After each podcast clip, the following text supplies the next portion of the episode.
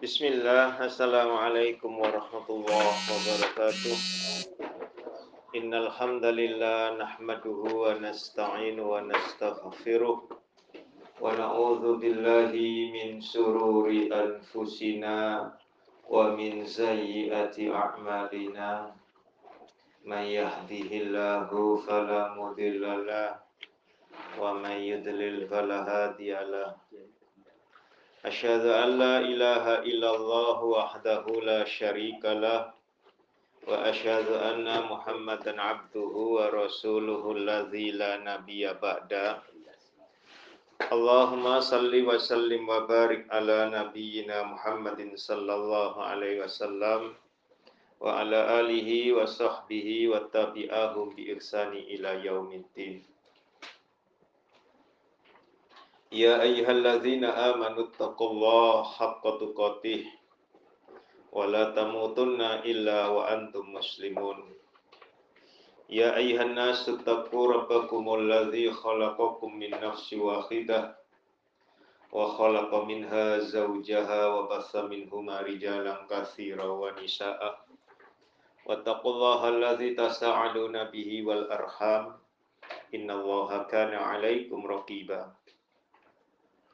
يا أيها الذين آمنوا اتقوا الله وقولوا قولا سديدا يصلح لكم أعمالكم ويغفر لكم ذنوبكم ومن يطع الله ورسوله فقد فاز فوزا عظيما أما بعد فإن أصدق الحديث كتاب الله وخير الهدي هدي محمد صلى الله عليه وسلم وشر الأمور محدثاتها وكل محدثة بدعة wa kulla bid'atin dolalah wa kulla dolalatin finnar. Ikhwani wa akhwati fillah rahimani wa rahimakumullah. Alhamdulillah Allah memperjumpakan saya dan Anda sekalian dalam sebuah tempat yang diberkahi oleh Allah Subhanahu wa taala yaitu masjid-masjidnya Allah. Hari ini saya dan Anda membahas mengenai kesalahan-kesalahan di dalam masjid. Yang dimaksud kesalahan-kesalahan di masjid itu hanya khusus masjidillah. Hanya khusus spesialnya masjidillah. Masjidnya Allah. Yang diror tidak masuk. Gitu ya. Orang yang masjid diror itu diakui orang-orang sebagai masjidillah. Tidak Ya, tidak demikian. Jadi yang disebut di sini adalah Masjidillah itu surat 2 ayat 114. Ya, surat 2 ayat 114. Wa man azlamu mimman mana'a masajidallah. Loh, masajidallah. Ya, waman dan sesiapa saja azlamu yang lebih zalim Miman dari orang-orang dari siapa saja mana yang melarang masajidallah ya di dalam masjid-masjidnya Allah di mana hukum-hukum masjid itu menurut hukumnya Allah. Nah, tidak semua masjid kalau begitu masajidallah. Masjid Diror bukan masjidnya Allah walaupun orang mengakui sebagai masjidnya Allah. Ayat kura untuk menyebut, untuk mengingat fiha di dalamnya itu, di dalam masjid itu, ismuhu asmanya, namanya. Bertasbih, bertahmid, bertahlil, sholat, baca Quran, wasa'a dan berusaha fi di dalam kharabiha merobohkannya. Ya, jadi orang itu menghalangi seseorang di dalam masjid menuju masjidnya Allah. Merobohkannya dengan apa? Ya, ya tadi dengan diror mereka itu. Ulaika mereka itulah makana tidaklah pantas pakai ma bukan la Karena yang masuk masjid adalah orang yang mengaku muslim. Sedangkan muslim dibagi dua. Orang yang beriman dan orang munafik. Makanya pakai ma. Lahum bagi mereka itu ayat huluha untuk memasukinya. Illa kecuali khaifina dengan rasa takut, takut melanggar aturan-aturan Allah di masjidnya Allah. Loh gitu. Sekarang kan orang tidak takut melakukan bid'ah di masjid. Muhdas. Nah ini kan susah. Jadi yang sunnah dianggap bid'ah, yang bid'ah dianggap sunnah. Jadi terbalik. Lahum bagi mereka itu fit dunya di dunia. Khizyun adalah kehinaan. Walahum dan bagi mereka fil akhirat di akhirat nanti azabun ali azim yaitu siksa yang besar. Maka saya dan Anda harus melihat dulu sebelum menuju daripada kesalahan-kesalahan di masjidnya Allah ini harus Anda dan saya mengetahui pula keutamaannya. Masjid itu walaupun kecil, walaupun sederhana adalah suatu tempat yang sangat disukai oleh Allah Subhanahu wa taala. Ya. Imam Muslim nomor hadisnya 671 dari Abu Hurairah Rasulullah Shallallahu alaihi wasallam bersabda ahabbul bilati ilallahi masajiduha Tempat yang paling dicintai oleh Allah adalah masjid-masjidnya. Ya, jadi masjidnya Allah. Banyak orang yang mengaku ini masjidnya Allah padahal bukan. Buktinya apa? Melakukan muhdas. Hal-hal yang baru di dalam urusan agama. Kulla muhdasatin bid'ah wa kulla bid'atin dolala. Nah, ini ya. Lalu kalau tadi ahabba maka ada yang diburukkan, ada yang tidak disukai wa abhadul biladi dan tempat yang paling dibenci ilallahi oleh Allah aswaquha adalah pasar-pasarnya. Jadi sampai naik makan di pasar sebaiknya dibungkus. Ya, bukan tidak boleh sebaiknya gitu ya. Ya. Ya, jadi sampai kalau punya kios di sana, ya makan di kios saja, tidak usah di tempatnya. Ya, dibungkus saja, nanti tak makan di kios.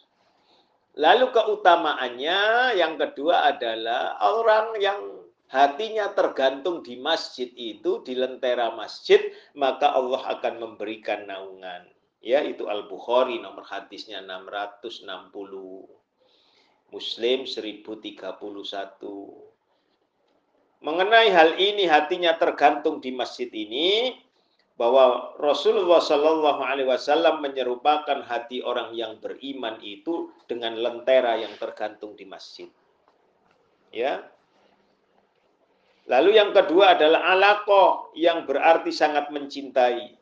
Hati seorang mukmin itu seolah-olah diikat dengan tali di masjid. Bahkan ada dalil yang menyatakan jika kalian melihat sendal seseorang itu ada di masjid, bolak-balik di masjid, saya dan Anda disuruh meyakini bahwa dia orang beriman. Ya, dia orang yang beriman. Ketiga, bahwa disediakan untuk orang mukmin itu tempat persinggahan di surga. Di mana dia berjalan jauh dari rumahnya menuju masjid. Ini ada di dalam Al-Bukhari 662 Muslim 669. Ya. An hoda ilal masjidi waraha a'addallahu lahu fil jannah. Sesiapa saja yang pergi ke masjid pagi ataupun sore hari, maka Allah menyiapkan persinggahan untuknya itu di surga.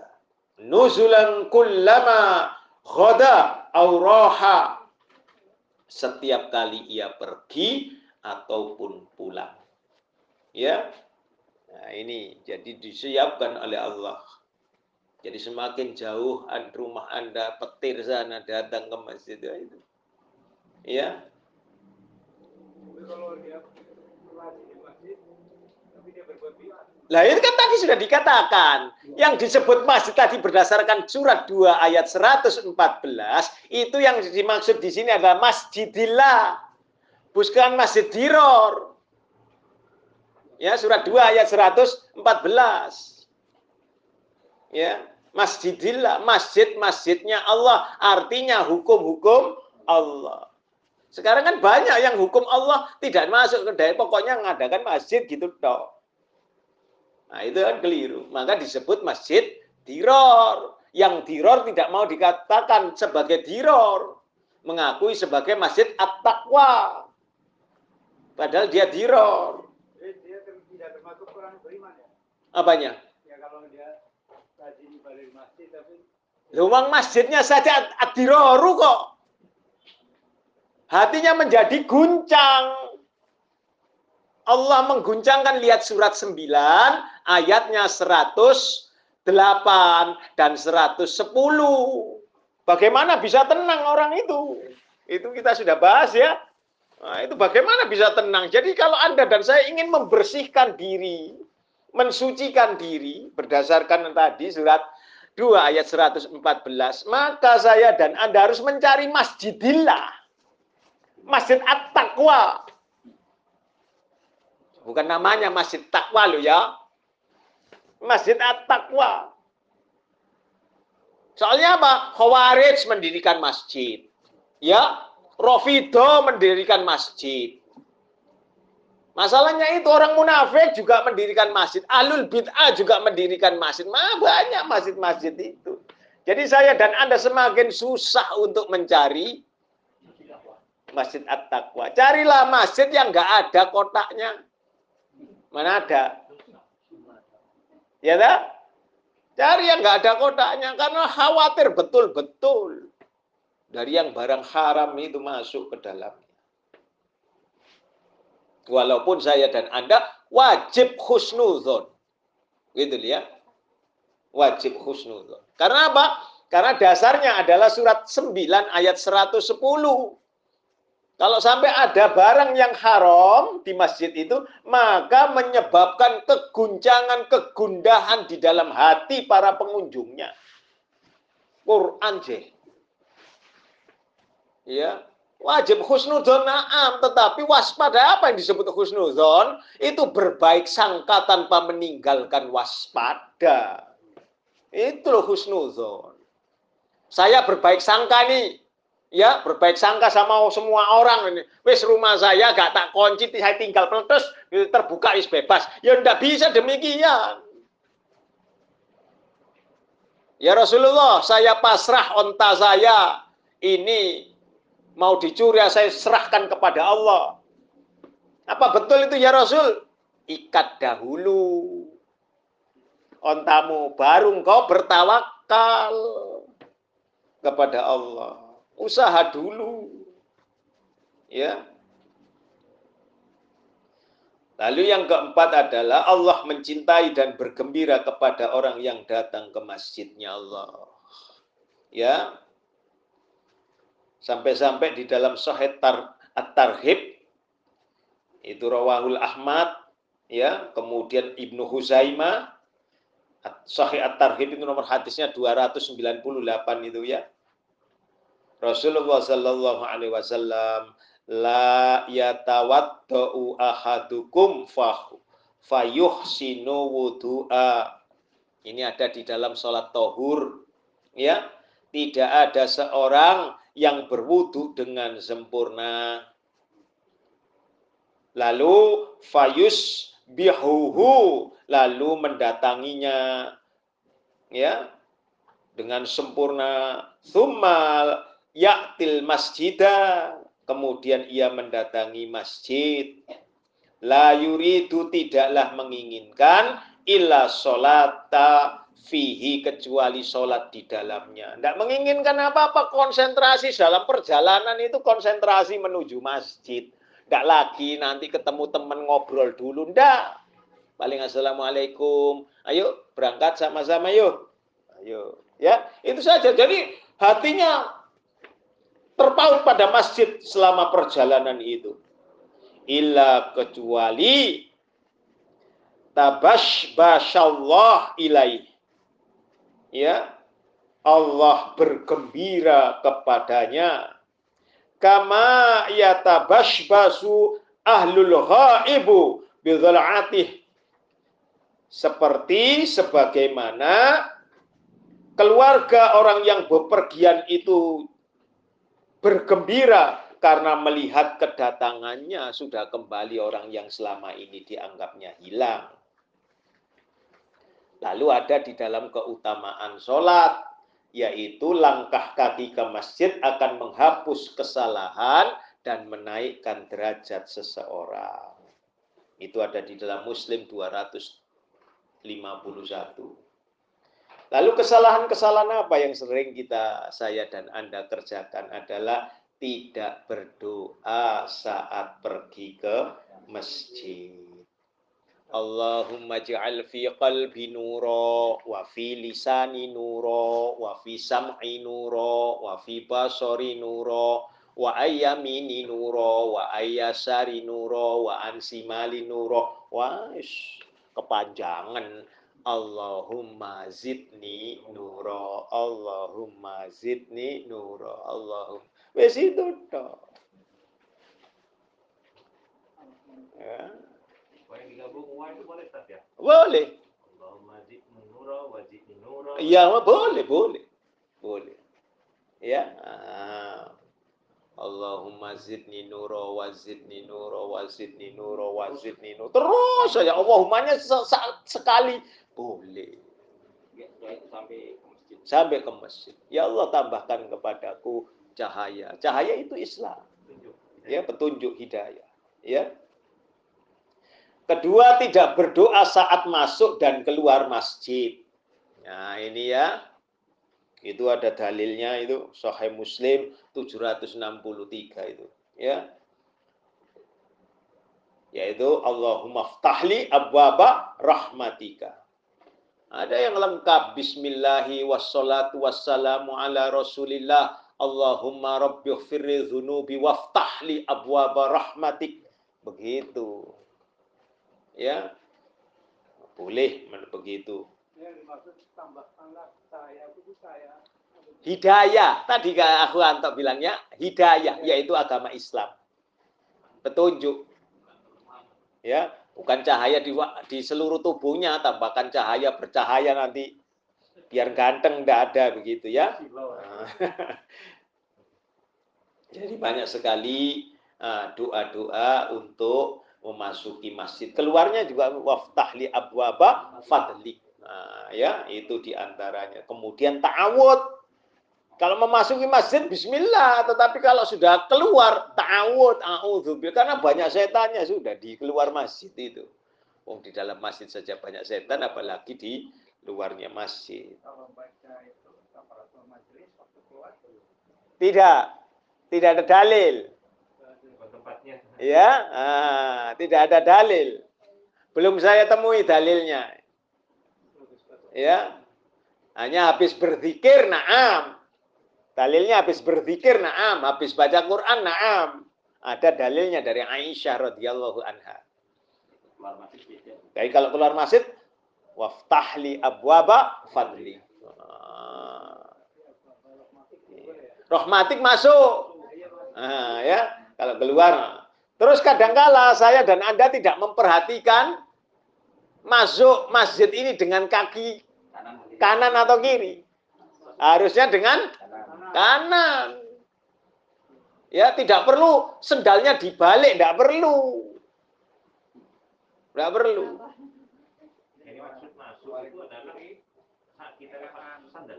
Ya, masuk itu lepas sandal. Ah, masuk. Iya. Ya, tanpa pintu. Masuk itu sudah lepas sandal. Ya di mana Anda uh, mengira ya, oh ini sudah batasnya, ya. Nah, kalau di Mekah itu bagaimana ya?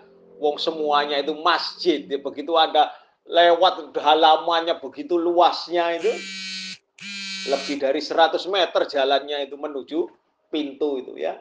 Nah, itu dari sisi depan, kalau dari sisi belakang lagi ya jauh lagi. Ya. Jadi diperhatikan kakinya dengan kaki kanan.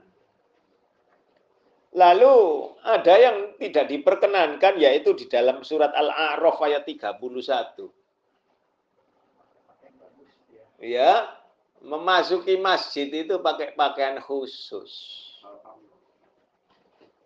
Surat 7 ayat 31 ya. Dan Rasulullah Shallallahu Alaihi Wasallam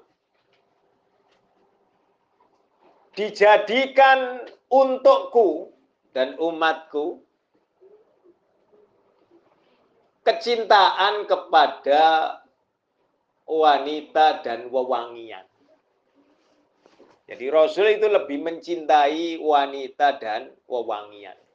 Jadi Rasul itu selalu pakai wangi-wangian. Makanya untuk laki-laki wanginya itu menyengat. Untuk wanita tidak dan meletakkan wanita tak naruh wangi-wangian itu di antara pusar dengan kemaluannya dan di bawah payudaranya. Supaya apa? Kalau keluar tidak berbau. Yang kedua wanginya hanya internal saja suaminya yang tahu. Bahkan hadis dalam buluhul marom, kalau sudah head selesai, dikasih minyak wangi, ya, diparfumi yang dekat daerah terlarangnya itu. Ya, itu ya. Jadi dengan pakaian yang bagus. Minimal pakaian khusus sholat lah. Jangan pakai main, jadikan masuk. Ya, jadi hati-hati jadinya. Apalagi ada tulisannya Mbah Kakung belakangnya begitu, tidak boleh. Makro muharrama. Ya, tulisannya ada tulisan dagadu ta apa tah ya, tidak boleh. Sampai-sampai sarung pun tidak boleh tulisannya diletakkan di bagian belakang. Haram hukumnya itu ya. Makruh muharram. Terbaca itu ya. Lalu kemudian, nah ini lagi yang berat. Masih dilanggar oleh kawan-kawan kita ini. Apa yang kelima? Keluar dari masjid sesudah azan tanpa azra uzur syar'inya. Maka ini seseorang dianggap munafik. Munafik tulen sudah. Munafik tulen. Jadi kalau mau pulang, is pulang oh. Sebelum azan. Kalau sudah azan dikumandangkan, Anda pulang atau pergi ke masjid yang lainnya tanpa uzur syar'i, maka Anda disebutnya munafik tulen. Is. Eh, pakai tulen. Wong hadisnya tulen, ya melainkan ia seorang munafik. Begitu Rasulullah SAW. Ya, sudah jelas-jelas munafiknya. Dan itu dia ada di beberapa riwayat. At-Tirmizi ada, At-Tobrani di dalam Al-Ausat ada, Majma' Al-Bahrain ada. Ya. Lalu saya dan Anda jarang sekali melakukan sholat tahiyatul masjid. Karena masjidnya kecil musola model begini jarang sekali tahiyatul masjid. Padahal itu adalah kesalahan. Sekecil apa pun. Misalkan rumah anda depannya itu anda kasih kalau di Madura itu banyak sekali musola kecil ya. Langgar itu ya Ah, sunnahnya sholat tahiyatul masjid. Masalahnya kalau tahiyatul masjid sebentar lagi sudah komat padahal belum rawatib. maka Anda dan saya boleh memilih salah satunya, mencukupkan. Apakah rawatib atau antara azan dan iqamah kan ada salat ya? Antara boleh. Ya.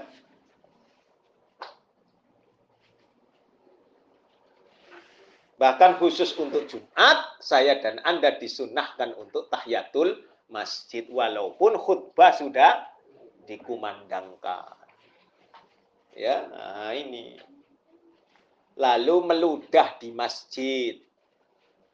Ya. Kalau sudah meludah, makanya kafarotnya itu dengan cara menimbunnya. Masa ada masjid Ya kan? Ah, kan harusnya tanah. Jadi masjid itu sederhana saja. Ya, ini termasuk mewah ini, ya, termasuk cukup mewah, pakai keramik, ya kan? Coba pakai paving begitu, siram sok suruh begitu saja, ya. Katanya nanti enggak apa ini kurang bagus. Nah, itu rata-rata padahal tidak demikian. Ya, meludah itu. Dan tidak boleh meludah ke arah kiblat. Ya, itu maka jika Anda mengetahuinya, mohon maaf lu ya, mohon maaf ya, dalil, maka Anda, eh orang itu tidak boleh jadi imam selama-lamanya. Haram jadi imam. Makruh muharramah untuk jadi imam. Gara-gara dia meludah ke arah kiblat. Pada saat salat. Hah? Pada saat salat. Pada saat salat. Ya, maka tidak boleh lah jadi imam. Wis mundur ibaratnya kalau imam itu dia kentut, is mundur. Ya, jadi makruh muharrama untuk menjadi imam. Berhadas di masjid. Ya, ini hanya makruh saja. Boleh dalam keadaan hadas, apakah itu jenabat, ya belum mandi, boleh asal tidak salah. Ya. Yang tidak boleh itu adalah kentut di hadap di dekatnya para jamaah sehingga kentutnya itu mengganggu. mengganggu. Kalau Anda hanya kentut tetapi kemudian tidak berbau, ya tidak mengapa. Anda batal sedang beratas tidak apa-apa. Yang tidak yang jadi masalah jika kentutnya itu berbau, ya, buang angin, ya. Karena apa di sini Imam An-Nawawi mengeluarkan angin dari duburnya di dalam masjid tidak diharamkan, tetapi sebaiknya dihindari, gitu ya. Jadi makruh, Hah? Sama. Oh iya, betul, sama ya sama. Tidak mengurangi, ya? Tidak mengurangi. Yang sering dilanggar yang kesembilan, yaitu mengumumkan berita kematian melalui pengeras suara di masjid ini. Makanya saya bilang bahwa yang saya maksudkan hanya masjidillah, nek masjid diror ya itu tadi yang sering pengumuman itu inna lillahi wa inna ilaihi rajiun inna lillahi gitu ya Nah, itu. Dianggapnya miliknya umum, padahal itu masjidillah miliknya Allah. Saya heran, katanya ngerti ngerti hukum ya, ngerti ngikuti sunnah, ya mendirikan masjid gitu ya, pinggir jalan. Ketika saya lewat, astagfirullahaladzim, hari Jumat ada baca Quran lewat pengeras suaranya, diror, ya ngakunya al-haq tetapi dia bukan berada di atas al-haq. Pengurusnya semuanya kena dosa loh ya. Mending gak usah jadi pengurus, gak apa-apa. Ya, nggak boleh itu. Ya, pakai kaset. Wah, semua orang saja nggak boleh kaset lagi. Kira ngakunya al-haq, tetapi tidak berada di atas al-haq. Banyak yang begitu. Jadi berat sekali. Terus ada apa? Jumat berkah. Ora ono. Ya, pikirannya ngendi ora jelas gitu. Ya? Nah, tidak ada. Ya, kalau dikasih ya ambil saja. Ngapain susah-susah? Ya. Yang ngasih yang dia mengharapkan berkah.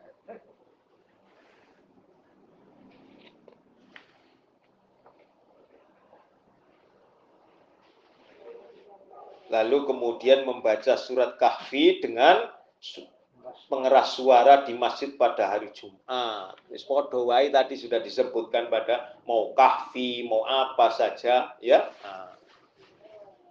Tidak boleh. Hah? Tertolak apa, Pak? Rodun. Muhdas. Dan ini orang yang muhdas itu untuk tobatnya berat karena dia merasa sudah berbuat benar. Dihalangi. Allah menghalangi taubatnya orang-orang ahli bid'ah. Muhdas. Jadi termasuk mohon maaf ini ya, pengurusnya itu dosa. Enggak mengingatkan dosa. Takmirnya itu loh dosa. Eh wis, tidak usah pakai gitu-gituan. Ah, dosa. Oh, enggak, saya tidak ikut-ikut kok. Loh, pikirannya orang kan begitu. Ya, padahal dia menanggung. Sampai-sampai dikatakan itu dalam surat Al-Anfal 72 ya di dalam Al-Bida wal Al-Hawadis ya karya At-Turtusi nomor hadisnya 305 itu di beliau mengambil surat An-Alfan surat 8 ayat 72 maka tidak ada kewajiban sedikit pun bagimu melindungi mereka. Itu ya bahwa tidak ada mereka yang dapat itu lalu mengeraskan suara di masjid. Karena banyak orang yang berzikir gitu ya terganggu. Wong baca Quran saja tidak boleh keras-keras -keras, kalau ada orang sampingnya sholat tidak boleh mengeraskan suara sampai terganggu. Kadang-kadang mohon maaf, kul huwallahu ahad padahal dia sudah roka ruku sampai keliru. Bacaannya ikut kul huwallahu ahad pada waktu ruku. Padahal tidak boleh membaca Al-Quran pada saat ruku dan sujud ada larangannya. Sampai karena sebelahnya kul huwallahu ahad ikut-ikut kul huwallahu ahad. Ya yang pernah, wong saya sendiri pernah aja ya. Jadi terbawa karena kita kan hafal kul huwallahu ahad kan, tanpa terasa terbawa. Ya, subhanakallahumma Allahu somad. Ternyata udah. Keliru sudah. Ya, astagfirullahaladzim ini. Ya. Ada lagi mengumumkan barang hilang di masjid, ya karena kecopetan, karena mobilnya ya dihantam orang sehingga apa itu laptopnya hilang, nah itu. Lalu jual beli di masjid. Kalau di halamannya boleh, boleh. Ya, kalau di masjidnya di serambinya enggak boleh. Nah, ini serambi itu. Eh, tidak boleh, harus di halaman, harus di luar, ya di halamannya. Yang walaupun masuk halaman masjid tidak apa-apa, halaman, itu ya. Lalu di masjid itu mesti ada kalender, ya kan? Terus ada tulisannya, ya UD plastik abadi, ya kan? Misalkan begitu, itu tidak boleh, haram. Termasuk, mohon maaf, ya An-Nadia, tour dan travel umroh, flu ya dan serta haji plus tetap nggak boleh. Promosi itu ya, nah, boleh. Ya, cari yang kosongan saja, apalagi degambar ya wanita bupati, ya tak? Wah, tambah nggak boleh lagi, haram. Di depan lagi ya toh besar lagi ya nggak boleh. Orang sholat nanti nggak konsentrasi lihat kalender. Ya. Nah, itu makanya kemudian menempelkan iklan tentang perjalanan haji dan umroh di masjid juga tidak boleh. itu ya. Sampai di situ ya. Oh, sampai 20. Yang ke-16 itu menempelkan tulisan Allah dan Muhammad itu sejajar. Ya, di sisi mihrab, sejajar lagi tidak boleh. Cukup Allah sajalah. Tidak perlu pakai Muhammad. Bahkan hiasan-hiasan begitu masuk makruh, tetapi tidak enak. Makanya jangan salahkan sekarang ini orang meminta di selain kepada Allah mereka meminta kepada Rasulullah. Ya.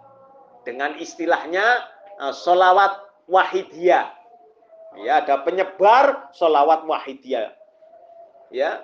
Dengan apa? Ya Sayyidi ya Rasulullah. Sampai nangis-nangis baca begitu ya Sayyidi ya Rasulullah. Apalagi ditambahi khudh biyadi qalat qad qad khilati adrikni ya Rasulullah. Wa na'udzubillah summa na'udzubillah. Ya, Allahumma salli ala sayyidina Muhammad tibbil quluba wa dawaiha. Sekarang sampai sekarang dinyanyikan ya. Wah itu enggak ada yang demikian itu. Ya. Lalu menyenandungkan syair di masjid. Ah Ya. Banyak yang seperti itu. Ya, nah, seperti begitu kan mau dikatakan diror apa? Enggak mau. ya. Itu ya. Alasannya lagu religi, ya dah. Ah. Itu. Jadi berat sekali.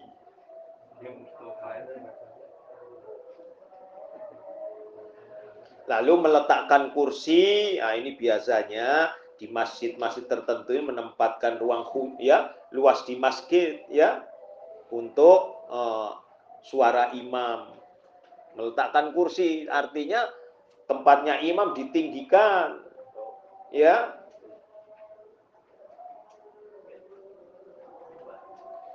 Mimbar, bukan bukan mimbar, jadi tempat imam ini ditinggikan. Tidak boleh rata saja. Ah, ya tidak perlu, biasa saja. Kan kasihan yang nyumbang sajadah paling bawah, ya. ya kan tidak pernah kena sujudnya, tak? Ya, tidak pernah kena sujudnya. Terus percuma lagi kalau yang menyumbang ini ubin keramik lah ngapain di keramik mahal-mahal pakai yang mahal ya apa itu bukan yang keramik yang mahal itu ya. Ah, ada marmer onik granit ya macam-macam itu.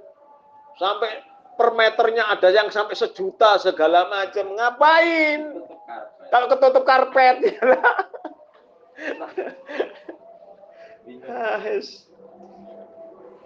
Lalu kemudian apa? Larangan menjadikan banyak masjid di satu kampung. Ya, ini sehingga persatuannya semakin jauh. Jangankan gitu di Bandung semuanya ditulisi masjid jami, masjid situ masjid jami, situ masjid jami. Astagfirullahaladzim. Semuanya Jumatan kosong lontang. Katanya jami. Ya, ya alasannya masjid jami. Ya, Nah, susah jadinya. Di satu kampung. Kalau beda. Maksudnya untuk apa? Sholat Jumat. Ya.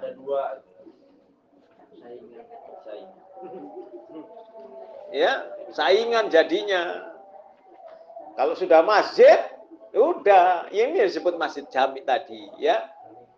Kalau hari-hari biasa tidak apa-apa, sedikit tidak apa-apa. Tapi kalau sudah Jumat, wes sudah berpusat. Sekarang kan tidak, iya toh? Hah? Lah iya kan kelirunya di situ. Kembali lagi silahkan membuka hadis tentang uh, masjid jami. Jami itu lebih tua Enggak, yang besar. Utama. Enggak. Contoh, Masjid Kuba itu lebih dulu daripada Masjid Nabawi. Lebih tua ya? Iya, lebih tua Kuba. Ya, tetapi Rasul melarang Masjid Kuba padahal Anda tahu sendiri luas kan? Muhajirin ya kalah luas sama Masjid Kuba. Ya kan enggak ada apa-apanya. Tetapi kenapa Masjid Kuba sampai sekarang tidak dijadikan salat Jumat? Semuanya berpusat ke Nabawi, padahal besar. Jadi memang Rasul menyatakan demikian yang paling supaya apa orang jauh-jauh ber sampai kan tahu sendiri antara Kuba dengan Masjid Nabawi kan jauh ya. Orang dari Kuba supaya sampai datang. Padahal itu cukup lumayan. 10 rial ya kalau naik taksi. Ya tak? Nah itu. Kan Anda tahu sendiri, itu tidak boleh sampai sekarang tidak tidak ada kan. Ya. Masjid Zulhulaifa, tahu kan? Untuk mikot itu nggak dijadikan hari Jumat nggak ada itu, tutup. Ya ke mana? ke mana? Ke masjid-masjid yang besar lagi. Ya iya, Masjid Zulhulaifa tahu sendiri kan, itu sampai datang ke sana. Ya kan?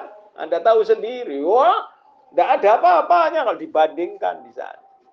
Nah, jadi harus tahu betul.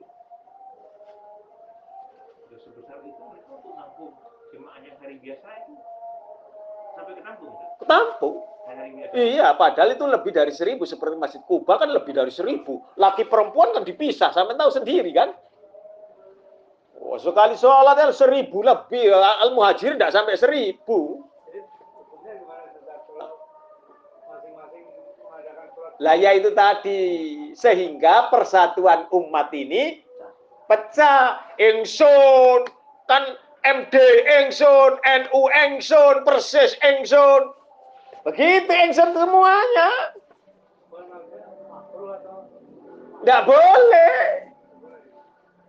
Hukumnya makro muharram, makanya persatuan kemudian bercerai-berai umat ini kan bercerai-berai, tidak ada bersatunya.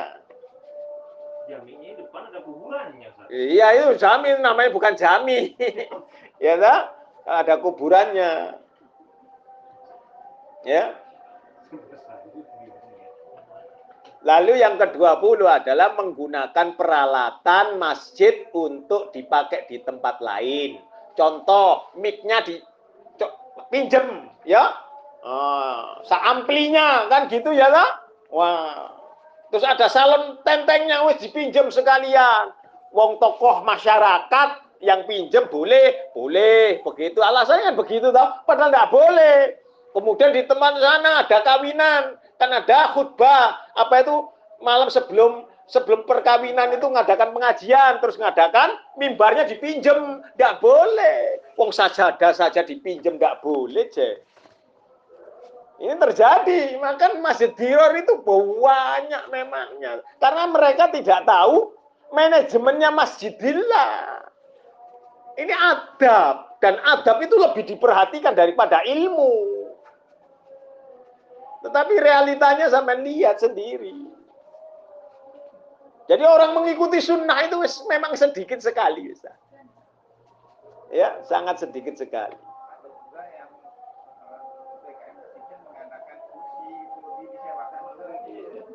Ya, kalau untuk apa itu persewaan kursi segala macam hendaknya pisah dari masjid.